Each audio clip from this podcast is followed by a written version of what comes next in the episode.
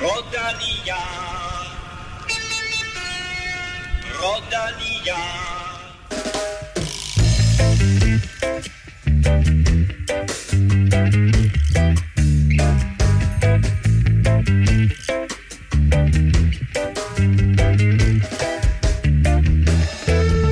Velkommen til udsendelse 99 af Velropa Podcast. Det er jo den tid på året, hvor vi burde tale forårsklassikere og optaktive detaljer. Faktisk skulle der i dag have været kørt Liège-Bastogne Liège, og dermed er det altså sådan mere eller mindre præcis et år siden, at Jakob Fuglsang kunne fejre karrierens højdepunkt med en sejr i det klassiske monument. I år skal Liège køres 1. oktober. Vel at mærke, hvis rygterne tæller sandt. Vi gennemgår et revideret løbsprogram, der blandt andet har Vueltaen i november. På Danmark rundt skal efter planen køres i august, men er det overhovedet realistisk med regeringens ret, retningslinjer for covid-19 genåbningen? Hvis der er en, der er ligeglad med corona, så er det Rowan Dennis, og det var ikke så klogt, for nu er han sat under administration. Og meget apropos, så velkommen til mine faste to social media managers, Kim Plesner og Stefan Johus. Hej, det godt, drenge? Tak, jo, tak. Tak det, jo. Nå, du var du også, Stefan, og du er rart. Godt, hej. vi er jo, øh, vi er jo stadigvæk på Skype. Øh, forhåbentlig nærmer det sig afslutningen på det her Skype-show, og vi kan igen øh, begynde at, at sidde og kigge hinanden lidt i øjnene og optage i samme lokale. Men øh, det her det bliver altså endnu en øh, udgave af podcasten i, over Skype. Men øh, Kim, øh, det betyder også, at vi har været i stand til sådan at, at tænke lidt alternativt, og øh, dermed så skal vi jo have en helt speciel koring i dagens udsendelse. Ja, det er sandt. Vi har øh, simpelthen fået, eller vi, ved lytternes hjælp og, og brugernes på, på Velropas sociale mediers hjælp, fået kåret det helt officielle selvfølgelig, øh, verdenshistoriens bedste Grand Tour-mandskab. Sådan. Det er, det er noget, jeg glæder mig til. Verdenshistoriens bedste Grand Tour-mandskab. Øh, og Stefan, jeg ved, det er svært at komme efter det, øh, men i de sidste på udsendelser, der har vi haft filmanmeldelser. Og i dag, der skal vi så i gang i lidt læsestof. Ja, det skal vi. Der, øh, nu, nu fik vi god respons på, øh, på de her filmanmeldelser, men, men det var ikke helt raffineret nok til, til Kim Plesner, så, øh, så jeg tror, han har, han har gravet lidt efter, efter nogle bøger, som han gerne vil anbefale, og øh, det, det glæder mig faktisk lidt til, for jeg har ikke læst så mange øh, cykelbøger endnu. Nej, men tre af de bøger, som Kim har læst, dem kan man jo vinde i dagens quiz. Måske. Måske. Øh, det er rigtig quiz på, på tier.dk. Fordi aller, allerførst, så vil jeg lige lave et kæmpe shout-out til vores faste støtter på tier.dk, fordi på trods af svære tider, så bliver I flere og flere, og jeg må sige jer stor tak alle sammen for at have støttet vores lille podcast her hele vejen igennem øh, coronakrisen også, fordi uden jeres støtte, der sad vi her altså ikke. Tak til jer alle. Stefan, øh, hvor mange er vi oppe på nu? Jamen, vi er, vi er strået helt op på 569. Oh, øh, så, ja, så vi skal have, vi skal have trukket lodder om øh, 550-pakken, og øh, så skal vi have lanceret en ny præmie ved, ved 600 støtter. Og øh, der har jeg hørt, at Kim har, har noget helt særligt i, i posen. Jamen altså, det, som jeg hører, Kim, så øh, og vi, det er en fuldstændig vanvittig og historisk flot præmie. Øh, vil du løfte lidt af sløret for, hvad det er nu, Kim? Nej. Okay, fedt. Jamen, Godt, mere om det lidt senere. Tak til alle, der støtter, og sidder du derude og synes om det, du hører, øh, og du vil give dig selv chancen for at vinde den her hemmelige præmie, så er det altså tid til at komme med på vognen. Så ind på tier.dk og gør som små 600 andre, støt Veloropa podcast. Du må også meget gerne følge os på de sociale medier, på Twitter og Instagram, der sker det på Snablag Veloropa, og så naturligvis på facebook.com Veloropa, så går du aldrig glip af det seneste nye fra cykelverdenen. Mit navn er Claus Elming, og du lytter til Veloropa podcast. I sidste uge kunne vi fortælle, at det internationale cykelforbund har lavet en midlertidig kalender for efterårssæsonen, der blandt andet betyder, at Tour de France efter planen skal køres fra den 29. august til 20. september. Siden har der været en del rygter om, hvornår de fem monumenter skulle placeres, men endnu har UCI altså ikke meldt noget ud officielt. Til gengæld mener belgisk TV at vide, hvordan efterårets cykelkalender ser ud, og det er altså ikke endelig bekræftet det her, men datoerne skulle være som følger. 1. august, Strade Bianche i Italien. 8. august, Milano Sanremo, også i Italien. 22. til 23. august, alle de nationale mesterskaber. Øh, Danmark forsøger dog trods alt at øh, fastholde øh, DM i øh, juni måned. Så altså 29. august til 20. september Tour de France, 20. til 27. VM, 30. september, Flesh Wallon, 4. oktober, Liège, Bastogne, Liège. 3. til 25. oktober, Giro d'Italia, så det vil sige, det starter altså dagen før Liège, Bastogne, Liège skal køres. 10. oktober, under turen Giro d'Italia, 11. oktober, under, og ikke under turen, men under Giroen, Gent Wevelgem, det samme med øh, Flandern rundt, 18. oktober, og samme dag som Giro d'Italia skal slutte, der skal der også køres Paris-Roubaix, 25. oktober. Og så 31. oktober, Lombardiet rundt, og så 1. til 23. november, Vuelta a España. Kim, vilde datoer, vild udmelding. Hvor troværdig er den her udmelding for Belgien? Altså, man, man kan jo sige som tommelfingerregel, at, at øh, de belgiske medier, øh, cykelsportsmedier, de, de som regel er, er relativt troværdige, i hvert fald i forhold til, hvad man nogle gange oplever fra, fra, fra de samlede i Sydeuropa. Men, øh, og man kan sige, det, det kan sagtens være, der er lagt en plan om det her. Jeg tror mere, man skal, man skal tænke lidt på, hvor, hvor sandsynligt det er, at det, at det kan lade sig gøre det her måske. Øh, og så er der selvfølgelig de der spøjse ting, som du også selv nævner, at, øh, at der køres nogle, øh, nogle monumenter og nogle klassikere midt under Giroen og så, og så videre, og, og rækkefølge og sådan noget, men det, det, det, det er man jo nødt til, når det skal presses sådan sammen. Men lad os lige holde fast i det, fordi altså nu, nu riser jeg lige op igen her. Giro d'Italia fra 3. til 25. oktober. Mens Giro d'Italia køres, Amstel Gold Race, Gent Wevelgem, Flandern og Paris-Roubaix. Stefan, er det, er det, altså, vil det ikke ødelægge nogle af de løber, for den sags skyld Giroen? Øhm, jo, altså det er klart, at, at, at der skal prioriteres lidt anderledes øh, end normalt nu, hvor kalenderen er, er så komprimeret, som den er. Og øh, som du siger, så, så er det jo ikke muligt at, at stille op i øh, ja, Giro, Giro d'Italia. Den, den tager meget plads lige der, hvor at, øh, ja, du manglede faktisk lige Liège Bastogne Liège, som, øh, som også er inde under, ikke? Så, Nej, så det er klart. Jo, undskyld, Liège bliver kørt den fjerde. Jo, du har helt ret. Jo, jo. Giro ja, ja. starter den tredje, og Liège bliver kørt den fjerde. Ja, så, øh, så der, der er mange, der kommer til at fokusere på de her klassikere øh, end Giro d'Italia. Det, det er jeg helt sikker på. Øh, så, så, så ja, altså fysisk er det muligt. Ja, Corona-wise, der, der ved jeg sgu ikke lige, øh, om, om planen holder. Det, det er der ikke rigtig nogen, der ved endnu. Men altså, det, det er spændende at se sådan en øh, kalender, øh, og det kan meget vel være, øh, være, være, være den kalender, som, som vi, må, vi må regne ud fra. Så, så jeg synes, det, det ser meget spændende ud. Det kan godt lade sig gøre, øh, fysisk i hvert fald. Der skal bare prioriteres lidt, lidt anderledes, øh, end der normalt ville. Der er også nogle andre interessante perspektiver, øh, udover det, vi lige har talt her med Giroen og så alle de der klassikere, men for eksempel, at turen skal køres i september, Giroen i oktober, og så blot seks dage efter Giroen er slut, der skal Vueltaen køres, og vel at mærke mere eller mindre i hele november, altså fra 1. til 23. november. Er det realistisk? Øhm, ja, det er det, men, øh, men det er klart, at, at, at det er nok ikke de samme rytter, der kommer til at køre det. Så, øh, så jeg tror, holdene de, øh, de kommer til at, at bruge en lille smule mere bredde, øh, end de er vant til. Øh, I hvert fald de større hold, de står jo meget godt. De kan sprede deres kaptajner lidt ud over. Vi ved, Sky og, og Lotto Jumbo, de har masser at, at vælge imellem. Det bliver lidt tyndere nede på, på de mindre hold. Øh, for eksempel Francis Descheux eller Egetoire som, øh, som primært kører med en. Øh, nu vil Kim selvfølgelig sige, at, at David Gody, han også er øh, en kaptajn. Ja, men, og jo Dombrowski. Ja, så, men jeg tror, jeg tror, det bliver et lidt større problem for, for de mindre hold, som, øh, som nok må, øh, må skyde en hvid pil efter, efter nogle af løbene, og så, øh, så bare gå all ind på, på nogle andre. Og dernæst så betyder det jo også, at øh, sådan noget som Ardenner-ugen bliver til Ardenner-uger, og der bliver byttet rundt på nogle datoer, så Flash og Liège ligger før Giroen, ja, Liège ligger jo så faktisk under Giroen, øh, og Amst ligger efter øh, med Gent Wevelgem i, i samme weekend, eller de her tre sidste, undskyld, de ligger selvfølgelig oveni i, i, i Giroen, men der bliver altså byttet rundt på, på sammenhængen der. Øh, Kim, er det, er det at amputere traditionerne for meget, eller bliver det meget sjovt? Nej, jeg vil sige, hvis, hvis, hvis vi får lov at køre det, eller hvis de får lov at køre de her løb, og vi får lov at kigge på dem, så tror jeg, at folk er, undskyld mit franske, skide ligeglade med, om det så ligger på en torsdag, eller en, øh, en mandag, eller i oktober eller november, fordi øh, jeg tror, der er så stor øh, hunger efter cykelløb lige nu, at, øh, at, at vi tager det, vi kan få i 2020. Hvad betyder mest for, lad os tage dem i to omværinger, svar, svar først på holdene. Kim, hvad betyder mest for holdene?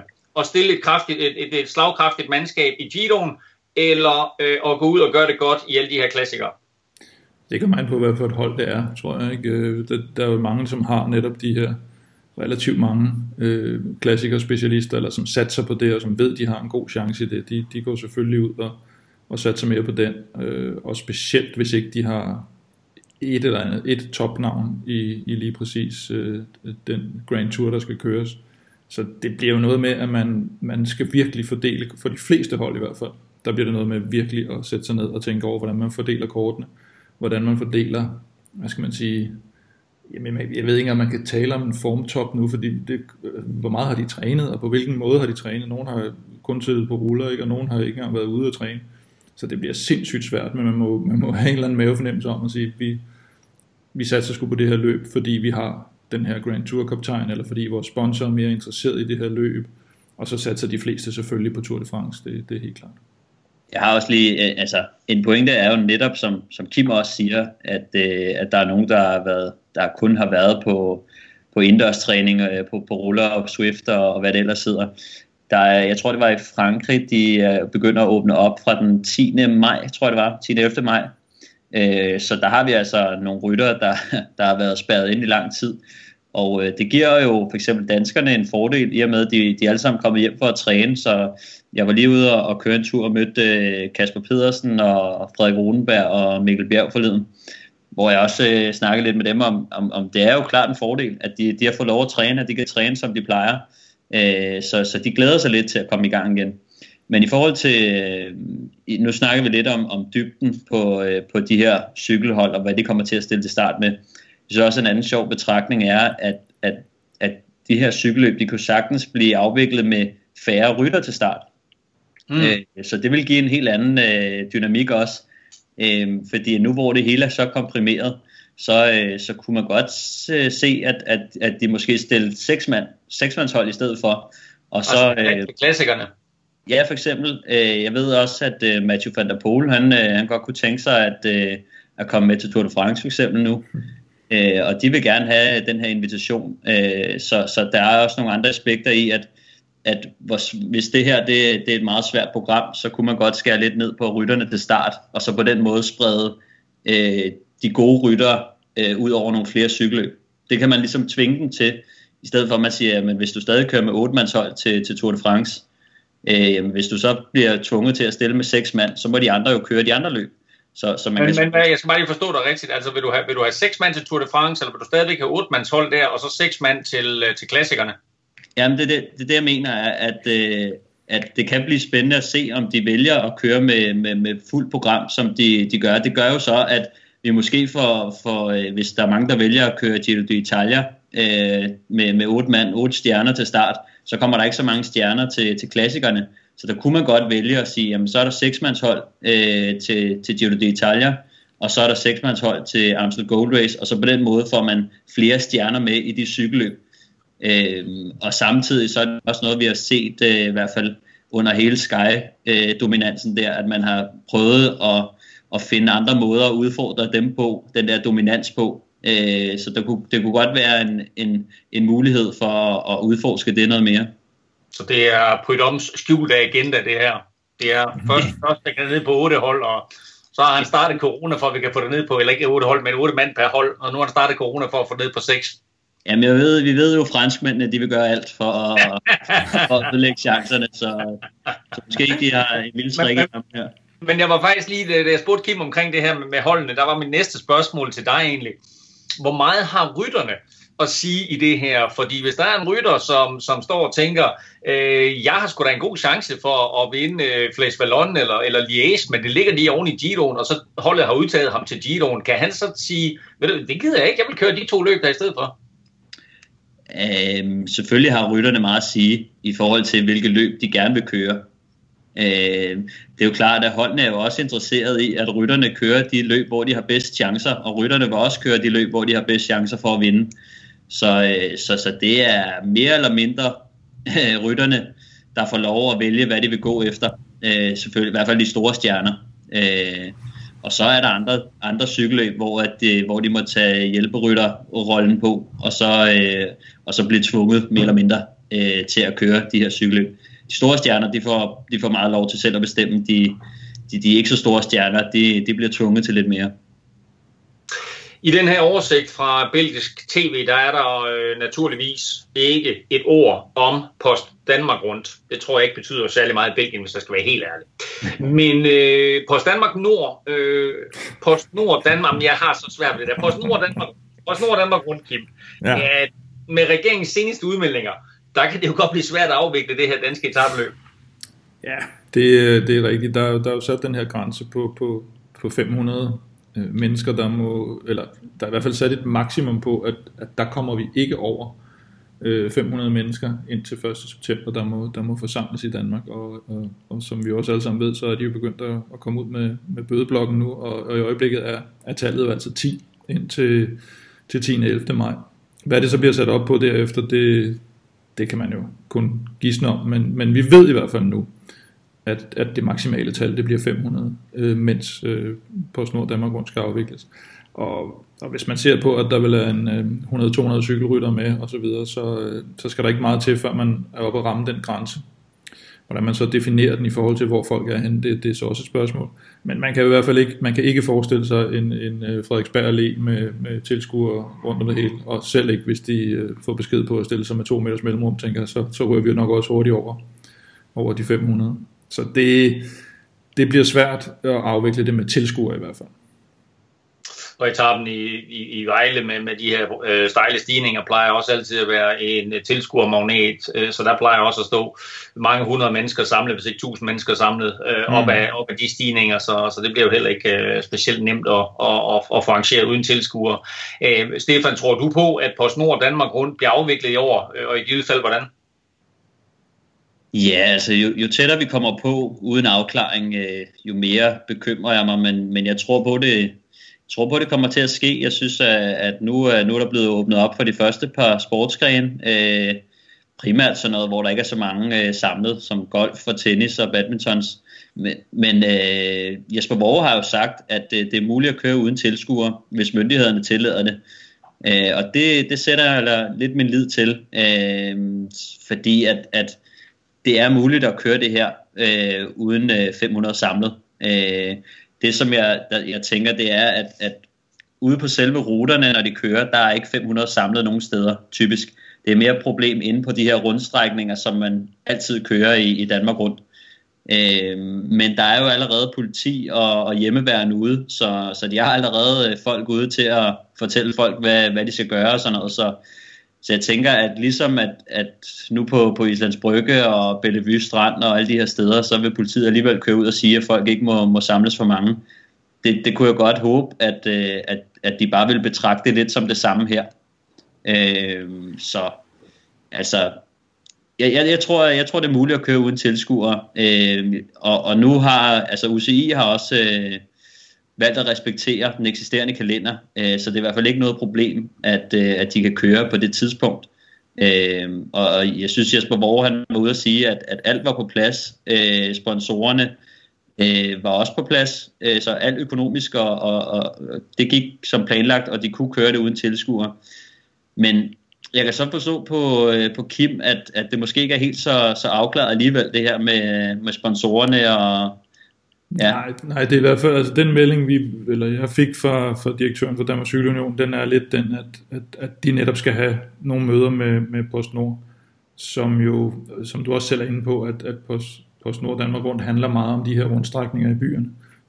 det er der, løbende bliver afgjort, det er der, folk samles, det er der, man ser det, og, og netop det specielle ved, at de, man lige når at se dem en, en 3-4 gange, når de kommer rundt der.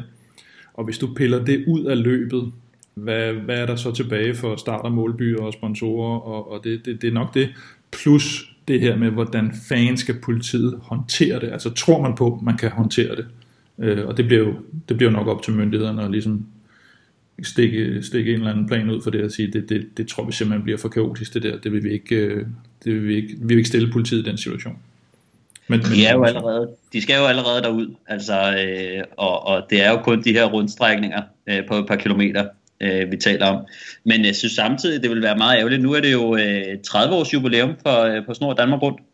Så det er jo mm. lidt en, en speciel edition, vi har med at gøre. Og samtidig så tror jeg faktisk også, de har, at det 100 års jubilæum for øh, Slesvig-Holstein, den, den nordlige øh, del. Mm. Der er jo, jeg tror, at det tredje etape, der starter i Tyskland øh, i Flensborg, uden at de, uh, jeg tror det er Flensborg, øh, hvor de så kører op til Vejle. Øh, så, øh, så det er sådan lidt en speciel øh, version, den her. Og samtidig så er det jo også, øh, der er rimelig meget rygvind i forhold til det her med, med Tour de France, og hvordan man lige skal, øh, mm. skal arrangere det hele, for det er lidt, lidt, øh, ja, lidt de samme ruter. Vi skal i hvert fald have åbnet grænserne først, vil jeg sige, så, så bliver det også nemmere i Flensborg. ja. det er selvfølgelig, jeg skal lige de der betonklodser ved grænsen først. det er selvfølgelig en stor problematik, altså, at, at rytterne skal kunne rejse. ja, det er det sgu. Så, øh, så det, ellers så bliver det, så bliver det sådan en postcup øh, dansk, dansker ja, edition. Ja. Altså, der er, der er selvfølgelig stadigvæk masser af ubesvarede spørgsmål, og, og det er der naturligt også, også i forhold til den kalender, som vi gennemgik lidt tidligere. Vi ville egentlig gerne have haft en kommentar fra Jesper Vore, men han er ikke vendt tilbage på vores mange manglende henvendelser. så ham tager vi fat i til næste episode, så han selv kan få lov til at forklare, hvordan tingene hænger sammen, og hvad vi kan forvente. Et andet sted, man ikke helt ved, hvad man skal forvente, det er naturligvis i quizzen. Øh, Kim, øh, jeg, har stadigvæk ikke jeg har stadigvæk ikke modtaget 50 euro her i dommervognen, men jeg kan forstå, at der var lidt ballade senest, og du har brugt de sociale medier til at, at bringe mig og quizzen i forlegenhed. Ja, jeg, jeg vil sige, det er, det er vel kun en 50 kroner seddel. Øh, Nej, når, når ja, 50 euro. På... Hvis du skal indgive en officiel klage, så er det 50 euro. Ja, okay. Ja, det kommer ikke til at ske. Nej, det er klart, at der var jo, øh, det var ikke, øh, jeg, jeg havde egentlig tænkt mig at bare lade den ligge jo, som den uh, færre sportsmand jeg er, og det, ja, det, det, det, det, det kunne Stefan godt mærke også, og vi var egentlig, vi var okay, men så kommer der jo den her ret store opstandelse ude blandt uh, lytterne, som øh, man selvfølgelig er nødt til at, at respektere og ligesom give et ærligt billede af, hvor det er, vi står hen. Øh, Øh, så, så jeg synes, den jeg blev mest mærke i, det var den øh, afstemning, vi havde med, med hvilken skandale i nyere tid, øh, vores lyttere synes havde været den værste. Og der havde vi jo så øh, Steinbacher IT Factory, der fik øh, 11,5% Vi havde Britta Nielsen-sagen med 9,9 Danske Banks hvidvasksag med 23,8% og så vil Europa Podcast Quiz med 54,8, der brager ind på toppen der. Og det, øh, og det er jo ikke noget, jeg kan sidde og afgøre. Det er jo det er jo de helt upartiske lyttere, der sidder og siger det ja, men, øh, men jeg vil sige det på en måde, altså, øh, du har jo helt ret, øh, tallene taler deres tydelige sprog, men der er ikke indleveret 50 euro i dommervognen, Nej. så derfor så er, er der altså ikke sket noget, og dermed så er stillingen fortsat inden dagens quiz 6-4 til Stefan, øh, og faktisk Kim, så øh, er Magnus Kort jo også stadigvæk med i det spil, han har også fire point, så du ligger faktisk kun på en del anden plads. Ja, ja. Nå. Det er sørgeligt. Vi talte lige uh, før om uh, Danmark Rundt, eller PostNord Danmark Rundt, det hedder det forskelligt igennem tiden. Um, hvem, har, uh, hvem har været flest gange på podiet? I Danmark Rundt? Ja. Det er ikke dagens quiz, det var det, var, det er tillægsspørgsmål. Matti? Hmm. Det, bliver, det bliver en god quiz i dag, kan jeg høre. Nej, jeg, jeg, jeg, jeg vil give Rolf Jørgensen? Ja, det er nemlig lige Axel Rolf Sørensen. Det er Rolf Sørensen. Han har, han har været på podiet seks gange. Men det, uh, en enkelt rytter... Der er en fejl her, fordi ja. at øh, du, du stiger bare på det jo, så det gælder vel også tabsejr. Au. Uh. Au. Okay, jeg ved det ikke. Jeg ved det ikke, men jeg siger bare, ja. der var lige en kattelem. Ja, okay. Altså, vi snakker det endelige podie. Vi snakker efter øh, alle tre ugers etabeløb. Så er det Rolf Sørensen. Rolf Sørensen, Rolf Sørensen har været på det samlede podie seks gange. Vi snakker ikke etaper her, vi snakker det samlede podie. Mm-hmm. Så altså øh, seks gange har Rolf været på det samlede podie, men hvilken rytter har været næst flest gange på podiet? Jeg kan, jeg kan fortælle jer så meget, at det er fire gange. Så hvilken rytter har haft næst flest podieplaceringer i den samlede konkurrence, Stefan, i PostNord Danmark Rundt, eller Danmark Rundt, hvad det nu end har heddet igennem tiden? Det er dagens quizspørgsmål, og det gælder for jer to, og alle jer, der sidder og lytter med. Svaret kommer senere. Indtil da, lad nu være med at google. Fra noget øh, helt uforudsigeligt til noget ganske forudsigeligt. Rohan Dennis er rød fedtefadet igen. Den australske temporytter har enten øh, været lidt sindig, dum, eller bare fået sig en alvorlig omgang lejerkulder, fordi øh, han brød udgangsforbud i Spanien og lagde endda billeder af det op på Instagram med teksten COVID-19 can suck my ass and so can quarantine. få, få timer senere der slettede Rohan Dennis så sin Instagram-profil. Stefan, hvad er han for en øh, type, ham her, Rohan Dennis? Jamen, han er et skønt type jo. Altså, øh, ja, jeg ved ikke, hvad, hvad der foregår. Åh, oh, jeg elsker det her. Forventer man en eller anden form for politisk korrekt svar, eh, sådan en fjols og så videre, så kommer det, han er en skøn type. Jeg elsker dig, Stefan. Ja, men da, han, han giver lidt kolorit på, øh, på, på feltet, synes jeg. Han, er jo, han virker jo egentlig lidt til at være en kedelig type, synes jeg. Men øh, der, der, der er noget spøjst over ham. Øhm, altså, historisk set, så har han jo lavet nogle lidt mærkværdige ting. Øh, i, I 2014, der, der forlod han Garmin og, og skiftede til BMC midt, midtvejs i sæsonen, øh, som jo er lidt, lidt spøjst, øh, i hvert fald i, i, i, cykel, i cykelverdenen. Jeg tror, det var noget med, at han gerne ville over til, var det Alan Piper, som en, en sportsdirektør, han gerne ville være gerne vil over til, og, og sådan lidt, lidt, lidt lidt mærkeligt skifte. Og så var der jo den episode sidste år, øh, som, hvor han lige pludselig forsvandt under, under Tour de France. Øh, angiveligt fordi, at øh, der var et, øh, noget, noget enkeltstart. Jeg kan ikke huske, om det var nogle, et jul. Som, nej, som... Det, var, det, var, det var dagen før enkeltstarten, ikke? Hvor, hvor han jo var, var sur og så videre. Øh, og, og for første gang i cyklingens øh, historie, der har der været øh, tvivl om en rytters whereabouts midt under en etape. det var også Ja, netop. Jamen, jeg tror, det var noget med, at han gerne ville have haft øh, noget, nogle hjul til, til sin enkeltstartscykel. Eller var det et styr? Eller, eller, jeg tror, det var hjul. Ej, jeg tror, det der var, var også, altså, ja. der var også nogle rygter om, at han så var utilfreds med, at var det Nibali, der, blev, øh, der fik bedre behandling end ham selv, og, og, og der Jamen, var også selve cyklen, ikke, som han så ikke stillede op på senere, øh, var det til VM. Jeg tror netop, det var fordi, at Nibali havde fået de her hjul, som han gerne selv ville have haft, øh, og øh, det var så holdets beslutning, at han skulle have det. Og så gad han så ikke være med til, fordi han havde spurgt efter, efter en opgradering af sin cykel i, i noget tid, og det har han så ikke fået. Så, så, så trak han stikket der. Og så var det jo til, til VM, at han lige pludselig stillede op på sin øh, australske øh, cykel i stedet for, øh, og, og så dermed ikke... Øh, ja, det var en BMC-cykel, ikke, han stillede op på, tror jeg faktisk. Det var en af de gamle, han havde liggende. Ja, jeg kunne sgu ikke se det, for den var jo malet sort. Så. Nå, okay. Men jo, jeg tror, det var, jeg tror, det var ret. Så, øh, så, så ja, lidt en spøjs type, øh, men altså, jeg synes jo, han er, jeg synes jo, han er meget sjov. Øh, og Kim, øh, øh, altså nu, nu sagde jeg, at, at Rohan Dennis han slettede sin Instagram-profil. Må ikke uh, Sir Dave Brailsford, han har været ind over den beslutning? Der har nok i hvert fald været nogen for, for organisationen, der måske ikke synes, at det var netop, som vi talte om, voldsomt politisk korrekt, som, som de jo egentlig gerne vil fremstå øh, Team Ineos eller tidligere Team Sky, og, og der har de så haft bare nogle, øh, nogle svært uheldige episoder, må man sige efterhånden, øh, med, med nogle, nogle, øh, nogle rytter på holdet, der ikke lige altid opfører sig sådan. Man kan sige, Wiggins var jo heller ikke øh, sådan en, der, der altid lige gik med strømmen. Og så har de jo haft øh, alt lige fra, fra Michel Froome, som jo hed øh, Michel Count dengang, og ikke var gift med Chris Froome, men så var en, en decideret battle mod uh, Wiggins kone tilbage i 2012, der hvor de lå og, og, mm. og fightede mod hinanden, og der måtte hun også, uh, jeg tror hun også sådan ligesom, jamen hun har slettet og startet sin konto mange gange, og sådan jeg tror også, jeg har også fulgt hende, og så er jeg blevet blokeret, og så er man kommet ind i varmen igen, og så lige pludselig så skriver hun, og så er alting bare godt, og så lige pludselig så lukker hun ned igen, og så var der den her sidst, hvor hun kom til at tweete noget, som skulle have været på Frooms konto, og, eller Chris Frooms konto, og så, så blev tweetet fra hendes egen. Og så har jeg vi synes, jo... Jeg synes, det, jeg synes, det er sejt, Kim, at du sidder og, og name-dropper Michelle Count Froome her, og siger, så bliver jeg, så bliver jeg slettet, og så bliver jeg taget ind i varmen.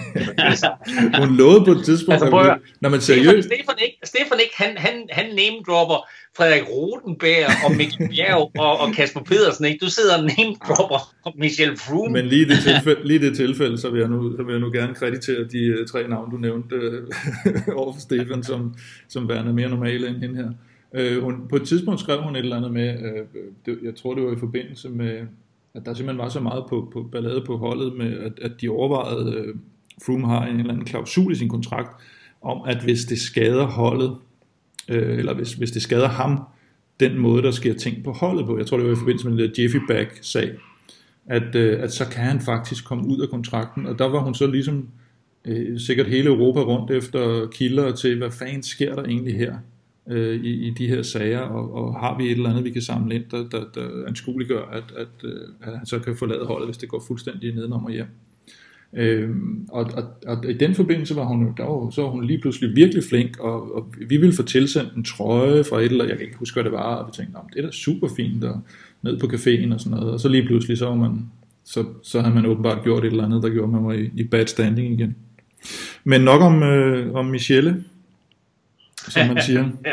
Hvor er, øh, men altså, øh, altså, der, altså, vi snakker verdens bedste cykelhold her, ja. øh, og alligevel så på en eller anden måde, så får de tiltrukket sig sådan nogle lidt øh, uheldige typer som øh, øh, Rohan Dennis og, og Gianni Moscon og øh, Luke Rowe og hvem, hvem, hvem pokker vi ellers har og så videre. Ikke? Øh, ja.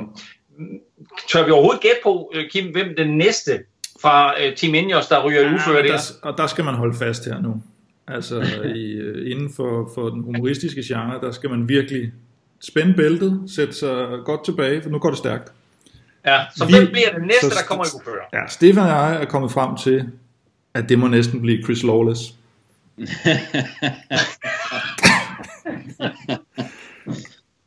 det er, det er århundredes corona-joke, det der. Badam. Sådan. tak for den. Om lidt skal vi gennemgå intet mindre end historiens bedste Grand Tour-mandskab, men inden da, der vil vi lige sige tak til de nu 569 lyttere, der støtter os på tier.dk. 569! Stefan, det er altså rimelig imponerende, og som du sagde i indledningen, så er det dermed også blevet tid til endnu en lodtrækning, fordi vi har krydset de her 550, som jo udløste den seneste præmie. Øh, men inden du leger lykken skulle inde, øh, så må jeg lige bede Kim om at minde os om, hvad der var i den her flotte præmiepulje. Jamen, der var to trøjer og tre bøger, for nu at, at tage den fra toppen. Og øh, de to trøjer, det var en uh, Jørgen Let Fausto Copy trøje, t-shirt, og øh, så var det en øh, Sunweb sort-hvid stribet cykeltrøje. Så var det tre gange bøger. En øh, Michael Rasmussen gul feber. En Læs løbet af Henrik Zachariasen, en ny bog, der lige er kommet om, om taktik og sådan noget i cykelsport. Og så stålsat af Morten Bennekov. Fedt. Det, det er puljen. Det, er, det endte jo med at blive en, en rigtig, rigtig fin pulje. Og øh, Stefan, vi skal have fundet den heldige vinder. Hvem har du trukket ud til os? Jamen, øh, det navn, der, der, der kom ud af hatten, det er øh, Anders, Anders Just Urban. Sådan. Se, ja. Godt. Jamen, øh, Anders, du er simpelthen vinder. Du har vundet to trøjer. Du har vundet tre bøger. Kæmpe tillykke. Øh, og øh, tusind tak, Anders, ikke mindst fordi du, øh, du støtter os øh, uge efter uge på tier.dk. Og så vil jeg sige, at vi har glædet os til at kunne præsentere den næste præmie. Nu er vi altså langt forbi 550 allerede, vi er på 569 støtter. Den næste præmie udløser vi ved 600, og den er helt unik. Stefan, vil du hjælpe os lidt på vej her til, øh, hvad det er, vi, har, vi, vi skal øh, konkurrere om nu? Jo, det kan jeg godt. Øh, jamen, det er Kim, der har været i kontakt med øh, Rebel Danmark, som er en, øh, en dansk øh, cykelhjulsproducent. Og, øh, og han har fået krasset øh, et, et sæt øh, højprofilhjul øh, til sig til en værdi af, øh, af mere end 11.000 kroner. Øh, så, så det er vores største præmie til faktisk. Og øh, lige kort om øh, Rebel, det er en, en dansk øh, producent, som jeg sagde. Øh, de har øh, givet et par Rebel Royal 45 mm clincher sæt, øh, som er, når det hedder clincher, så er det jo til åben ring så er det almindelige dækslange jo. Øh, og ikke de her limede ringe, som er lidt noget bøvl, når man skal bruge det til, øh, til almindelig brug.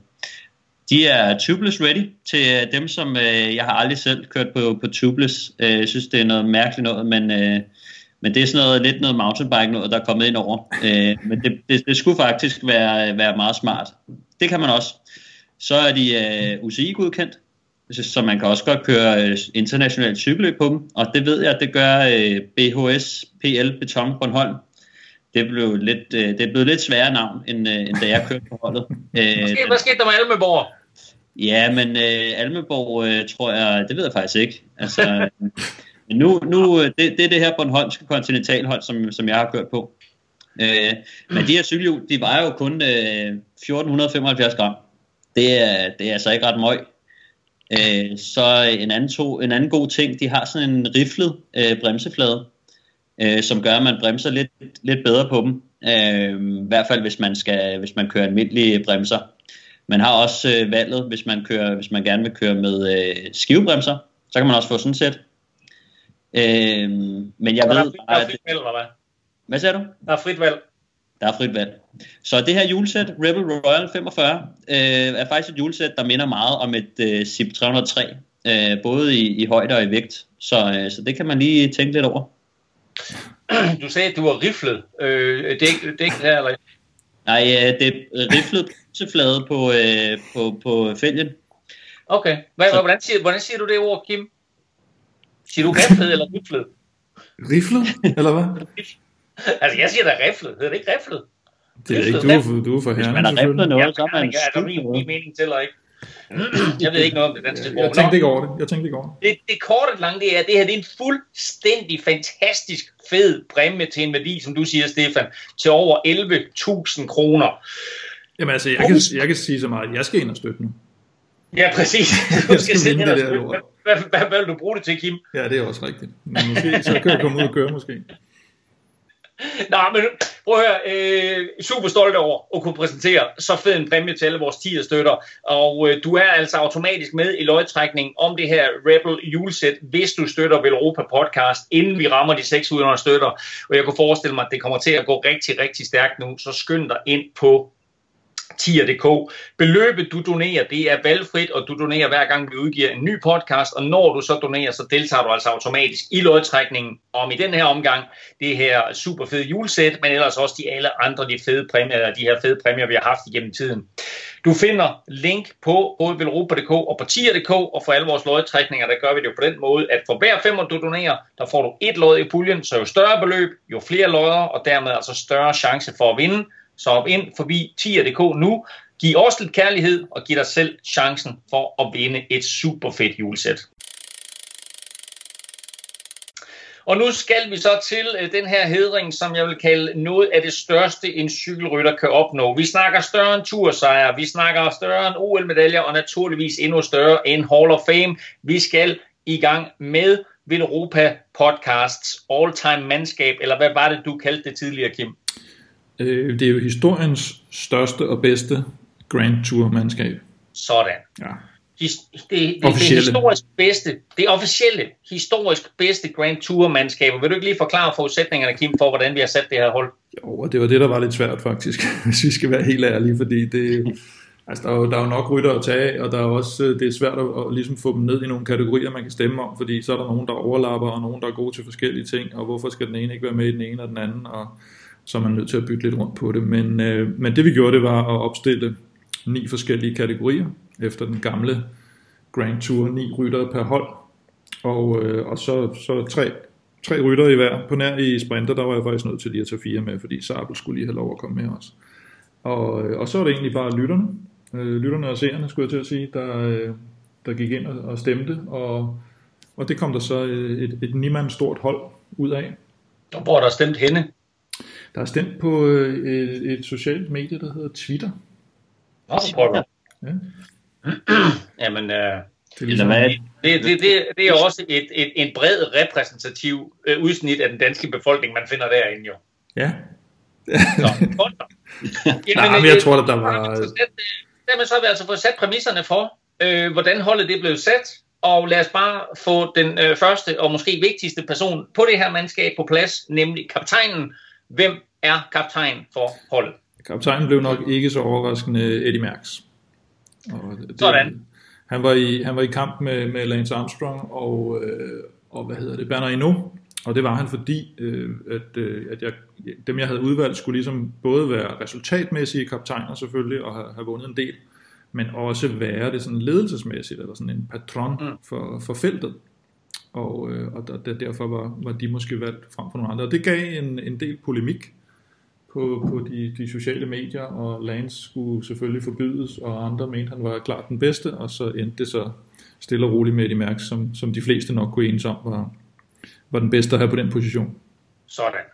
Så øh, kannibalen er altså vores kaptajn. Vi skal have en bjergrytter på holdet også. Hvem har øh, seerne, lytterne valgt der? Ja, men der, og der, der, der havde jeg faktisk, øh, den, den, den havde jeg ikke gættet, fordi øh, det blev Marco Pantani, og jeg havde egentlig regnet med, at det blev Fausto Coppi, Mm. Øh, både fordi han jo både er god i bjergene, men, men nok, nok også godt kunne have, have været i kaptajnrollen. Det kunne Pantani sådan set også. Men jeg, jeg tror, det er fordi folk de dels har Pantani i, i, i bedre erindring, og at han jo mere er den her ærke bjergrytter type.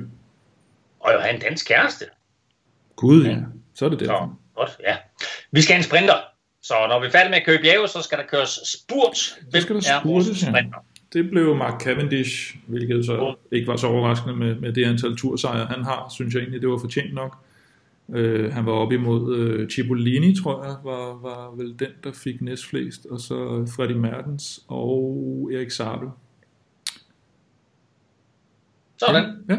Øhm, når der ikke skal køres bjerge, og der ikke skal sprintes, så skal der køres enkeltstart. Hvem så har vi der? skal der køres enkeltstart. Der var også et par typer, man, som de fleste holdejere eller sportsdirektører, de vil nok være, være ret tilfredse med at have dem som kaptajner. Hvis man siger Jan Ulrik, Jacques Anquetil og Miguel Indurain. så, men, men det er jo det der med, at de, de skal jo øh, sættes lidt rundt, og man kan sige, netop de tre, de, de var også nogle voldsomme bæster, når der blev kørt enkeltstart. Og, øh, og Indurain han vandt og, og Rohan Dennis var ikke nomineret? Rohan Dennis var faktisk ikke nomineret, nej. Ah, okay. Der er nogle, øh, nu, nu har vi sådan været igennem de fleste af kategorier, der findes øh, etaper i sådan et, et turløb, men vi mangler lige de der etaper, der afslutter med en lille brætstigning. Så poncheurs, Kim, hvem er vores poncheur-rytter til den slags afslutninger? Ja, det blev vel værd det, og det, det, det synes jeg egentlig også var, var fair nok. Han, øh, han har jo trods alt vist, vist sig lidt over et, et stykke tid må man sige efterhånden, og i, i forskellige Grand Tours. Ikke så meget i Giroen selvfølgelig, men også uden for, for Grand Tours, i, i specielt Liège og, og Flesh Vallon, hvor, hvor det jo er en, ja, hvad kan man sige, arketypen af en, af en poncheur-afslutning. Ikke? Tredje uge er i gang. Vi har vundet samtlige etaper indtil videre. Vi skal have et, ud, vi skal have et, udbrud, vi skal have et udbrud af sted. Hvem sender vi ud? Vi har i hvert fald vundet holdtidskørslen, tror jeg. men øh, men øh, der sender vi så åbenbart Jens Fugt ud, jeg tror, det var den, der var, der var tættest i afgørelsen. Han vandt med sådan, jeg tror, det var omkring en halvanden, to procent over Thomas de Rent. Okay, det, så altså den bedste udbrudsrytter, der er Jens Fugt foran Thomas de Rent, og hvem var mere nomineret? Øh, det var Jacques Durand, som jo, øh, som jo vandt Flandern rundt på et udbrud.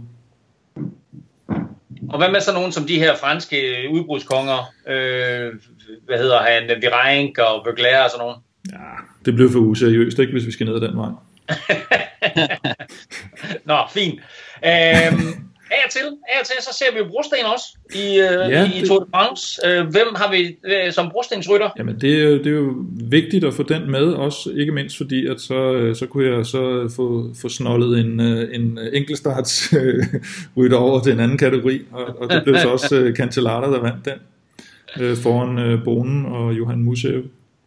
Og øh, der vil jeg sige, hvis man kigger faktisk rent på brosten, så, og kigger lidt head to head og sådan noget, så er Bonen måske alligevel en lille my bedre end Cancellara, men jeg tror, Cancellara er noget mere populær i Danmark. Så øh, der, der har nappet Cancellara altså den foran øh, Tom Bonen. Øh, nu har vi sådan været igennem alle, alle kategorierne, vi mangler lige en øh, sådan en all-round rytter, øh, Kjeld. Øh, Kjeld. tak skal du have. Hvem kunne det være, Kim? nu er det bare den bedste trives i Olsenbanden. jeg, jeg gætter på, at du er Egon, men sådan er det. Øh, jamen, det blev, det blev Sean Kelly. Og han var, han var noget op, han var op imod øh, det Flaming og, og Rik van Looy. Og, øh, og det var det Flaming, der var tættest på. Øh, også fordi, igen, som var fælles betegnende for dem alle sammen, at, at de ældste rytter, eller, eller rytter for langt tilbage i historien, dem, dem er der ikke så mange, der har set, og derfor så kender de egentlig ikke rigtig deres, øh, øh deres egenskaber så godt, fordi en, en Rik van Løje var jo også helt vanvittig, altså en helt vanvittig rytter. Så, men øh, Sean Kelly kan man heller ikke, øh, vil man nok ikke være utilfreds med at have på sit hold.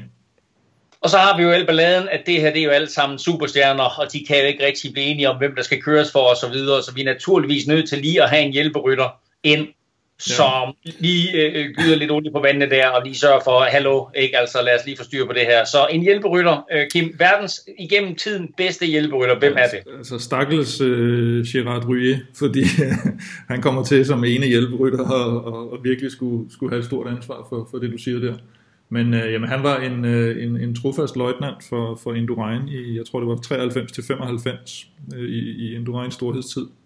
Og, øh, og nu sad jeg og så øh, et af de der gamle gensyn på, gyldne gensyn på TV2 Sport i går med, med VM fra Oslo, 93, hvor Armstrong mm. vinder i, i, i øsende regnvejr. Der er han faktisk med i, øh, i det afgørende udbrud, netop også med Indurain, og, og hvor og Ries kommer op på et tidspunkt, og Rolf ligger og prøver at komme op og sådan noget, og, og det er nogle, nogle halvtunge drenge, han ligger med der, så han er bestemt heller ikke en, en dårlig cykelrytter, det er ikke sådan en, øh, der, der bare aldrig havde vundet noget.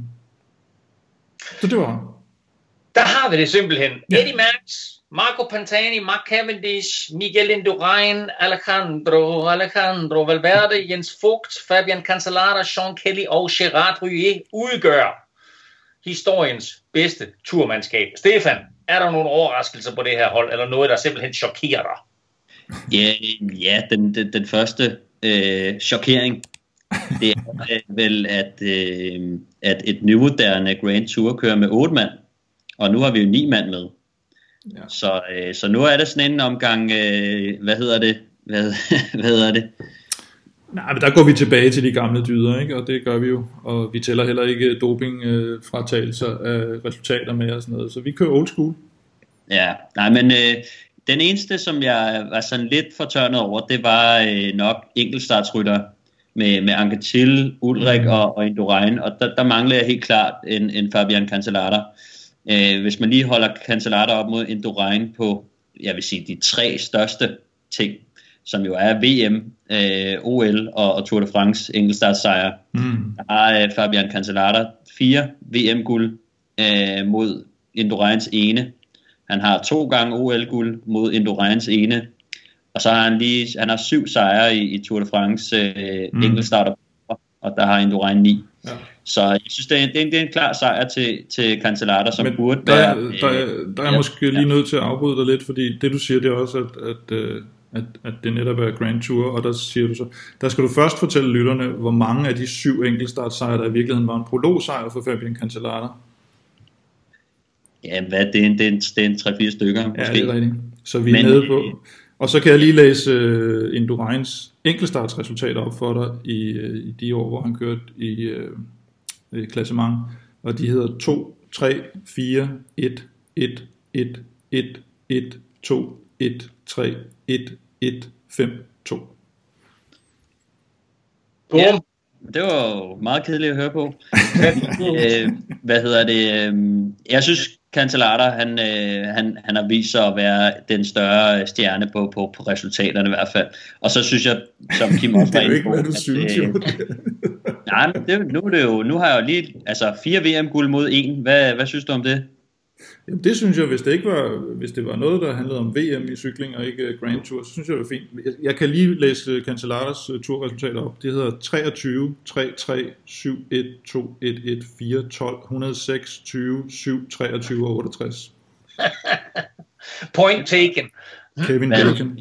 Ja, og så, og så den sidste, det, der, der skulle Tom Bonen have, have, have vundet over, over uh, Fabian Cancellara. Ja, det er vi enige om det, det, der synes jeg også, du bliver nødt til at nominere på, på, på evnerne, og det er ikke altid, at, at Tour de France de har så meget brosten at, at vise sig på, og det er ikke altid, at de har så meget enkeltstart at, at vise sig på. Øh, så, så Tom Bonen, han har trods alt øh, det er fire Paris-Roubaix og, og tre Flandern rundt øh, altså, sejre. De er, de er sgu relativt lige, hvis du laver sådan head to head på dem, men jeg, jeg, jeg, jeg vil også, jeg vil nok, jeg vil selv have taget bonen øh, for, nu synes jeg så også igen, hvis... Øh, Jamen, øh, så synes ja. jeg, vi skal igennem, ja. og så siger, at øh, vi har egentlig udvalgt et hold på ni her, men øh, vi laver simpelthen en lille joker-kategori, så øh, vi øh, siger, at øh, Indurain han får lov til med, med dine fakta på bordet der, Kim, hvilket er irriterende at diskutere ud fra fakta.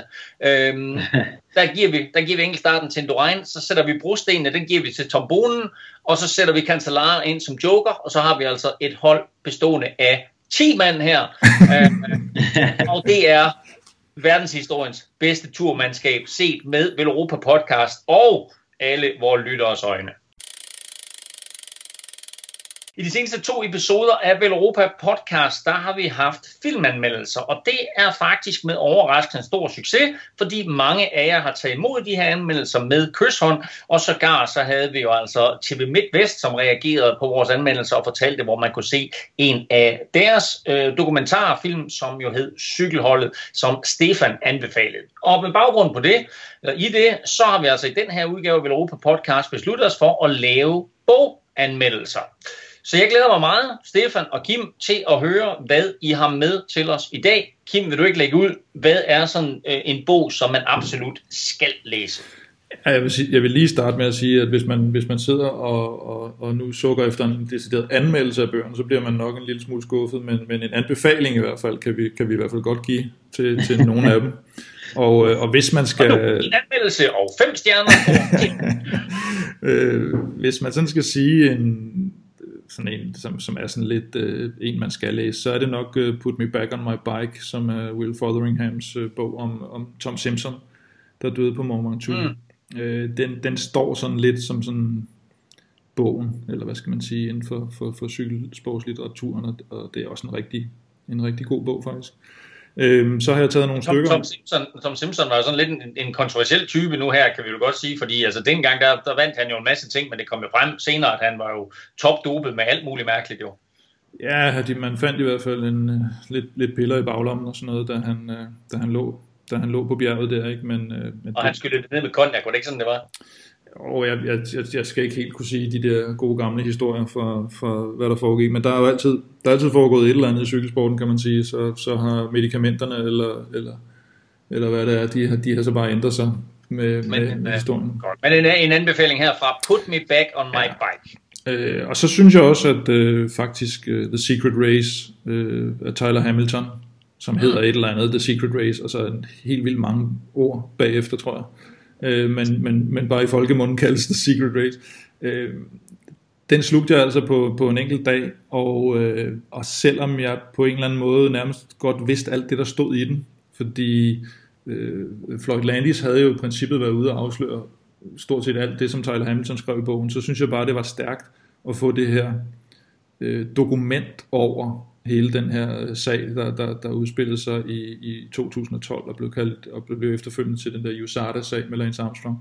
Øh, så var det sgu alligevel at få det ned på papir der, sådan der, og det, det synes jeg var, var, var rigtig interessant.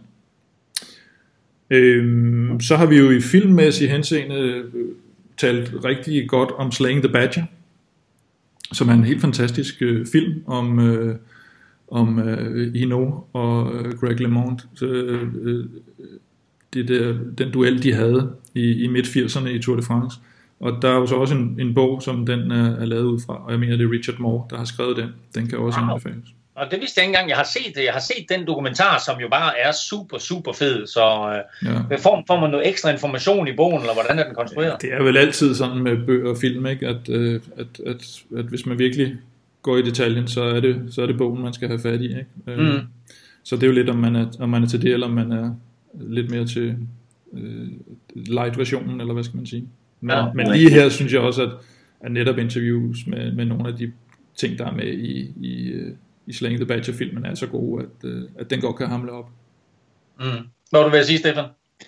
Jeg siger, det er jo bare, Kim er, Kim er en af de typer, der er sådan, at man skal læse bogen for at... Nej, det, ja, det, det skulle man næsten tro, men øh, jeg har sgu ikke, øh, jeg, jeg har ikke så stort repertoire inden for, for, for bøgerne, og, og, og er egentlig måske mere en, en filmmand. Men øh, den store Tour de France-bog af Joachim Jacobsen, det er sådan en, måske man, man lidt skal have som sådan en slags opslagsværk, og, og læse om de her mærkelige ting, der skete i gamle dage, og, og rytter, der, nu så jeg lige faktisk i forbindelse med vores afstemning, hvor der en, der siger, at han vil stemme på en eller anden hjælperytter, nu kan jeg dårligt huske, hvad han hed, som, som, øh, som valgte at, at få amputeret en tog, fordi hans kaptajn også gjorde det under en Tour de France. så han kunne mærke samme smerte. Ikke?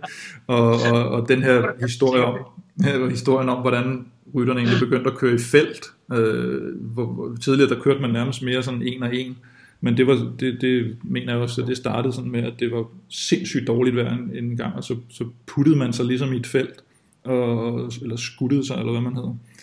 Mm. Og, og, og så var det den måde, man, man lige pludselig begyndte at køre i et felt, og så med udbrud og så videre. Så, så der, er en, der er en masse sjove ting fra, fra tidligere. Det er den her, det er sådan en ret stor bog, ikke sådan en gul. Øh, Ja, forholdsvis øh, kæmpe stor. Ja. ja. Og så kan man sige, hvis man sådan citatmæssigt, der har jeg en, en stor, stor svaghed for, for jeg mener en hollandsk forfatter, der hedder Tim Krabbe, som har lavet en, der hedder The Rider, om sådan en, det er sådan lidt en mystisk bog i princippet, men en meget sådan stor kærlighedshistorie til cykelsporten, og han selv sådan er ude til løb og køre og sådan noget, øh, sådan lidt fiktivt, øh, fiktiv løb og sådan noget, han, han er ude til, og, og, og der, der, der er der det citat, hvor han, hvor han står ude til et løb, og så får han øje på nogen, der, der ikke er cykelrytter, og så siger han bare, non-racers, the emptiness of those lives shocks me. og det synes jeg var altså så helt fantastisk øh, på cykelsporten. Så er der Fignons selvbiografi, og så har jeg så personligt en, en lille svaghed for Jørgen Letts, den gule trøje i de høje bjerge. Som Oh, ikke, oh, hvad, hvad, hedder, hvad hedder Fignons øh, selvbiografi? den hedder Øh, We Were Je, je, Young. suis, je, suis, je suis Fignon. Den hedder på engelsk den We Were Young and Carefree. Jeg kan, jeg kan ikke engang huske, hvordan den er oversat på, på dansk faktisk. Okay. Han kan jo fransk jo. Ja, Elmin kan fransk. We Were Young and Carefree.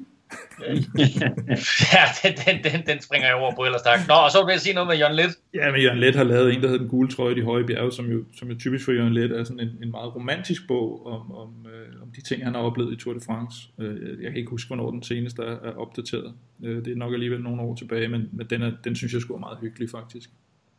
Øh, og så har jeg glemt en hel masse sikkert, som folk derude jo selvfølgelig Nå, men altså, det er ikke noget med at glemme, det er noget med at gemme.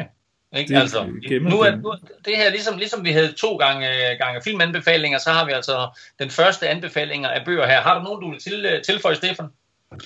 Øh, nej, det har jeg faktisk ikke. Øh, jeg har ikke læst så meget øh, cykelbøger, må jeg indrømme. Men jeg har læst øh, The Secret Race, øh, Tyler Hamilton, som jeg øh, synes var en, en rigtig god bog, og ligesom Kim også øh, slugte den på, på en, dags, en dags tid eller to.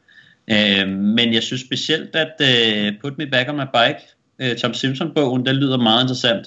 Og så øh, Finn Youngs øh, selvbiografi, de, de to øh, tror jeg faktisk gerne selv, jeg vil tage op. Øh, jeg mangler at vide lidt om, om Tom Simpson og, og Finn Young, synes jeg. Øh, kvæg min, min alder har jeg ikke øh, oplevet dem så meget. Så, øh, så det, det, det, det er to bøger, jeg gerne vil købe.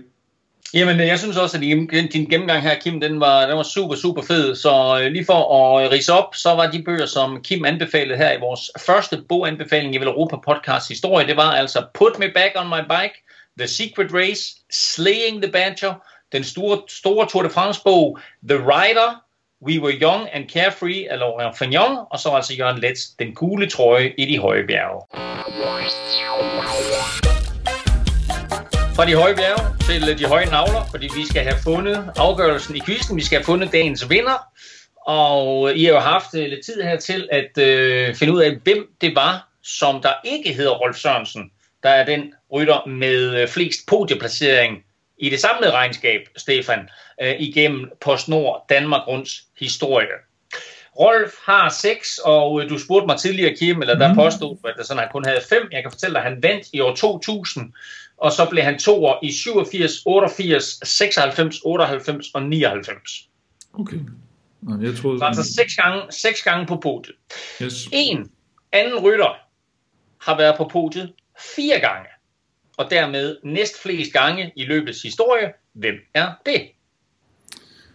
Kim, du har serveretten. Ja, jeg, jeg, vil, jeg, jeg tænker, jeg, jeg starter selv, men uh, så lader jeg, så lader jeg Stefan få, uh, få det bud, han, han spillede af i, som man siger, Ja. ja. i uh, indledningen. Så jeg siger Lars Bak i stedet for, uh, i stedet for Matti. Så får han Matti. Ja, tak. La- ja, tak, Lars Bak. Og øh, hvad siger, hvad siger du, Stefan? Jamen, øh, jeg vil så sige øh, Jakob Fuglsang. Jakob Fuglsang. Åh, oh, gud ja. Det skulle da være. Det er, også et, øh, det er også et godt bud. Hvorfor siger du Jakob Fuglsang? Jeg, jeg mener, han har vundet tre gange. Han har vundet tre gange. jo. Og så, så tænker jeg, så må der ligge en podieplacering et eller andet sted. Ja. Og, og Kim, hvorfor siger du Lars Bak? Øh, jeg, synes, jeg synes bare, han har været på podiet mange gange. Ja, Men øh, det er egentlig bare fra, fra hoften. ja. Jeg kan fortælle jer, at øh, begge de to, to ryttere har været på podiet tre gange.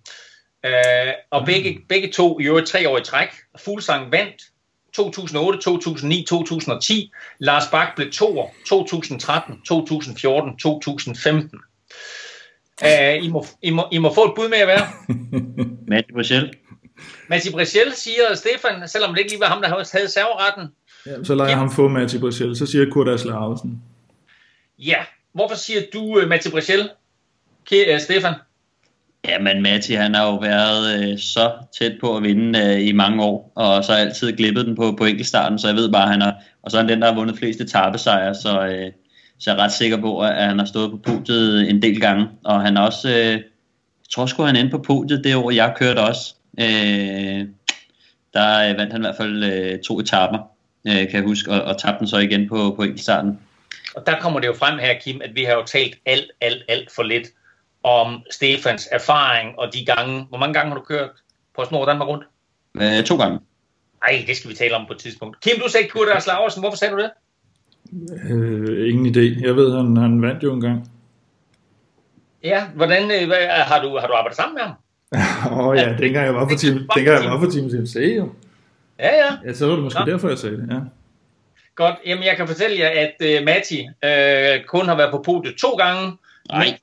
Mens, jo, altså det samlede podiet to gange, mens Kurt Asle Ausen har været på podiet fire gange. Åh, oh, var det stærkt, dermed, var det stærkt hævet op, det der. Og dermed er det rigtige svar i quizzen. Kurt Asle, han vandt i 2004 og 2007, og han blev nummer to i 2002 og 2005.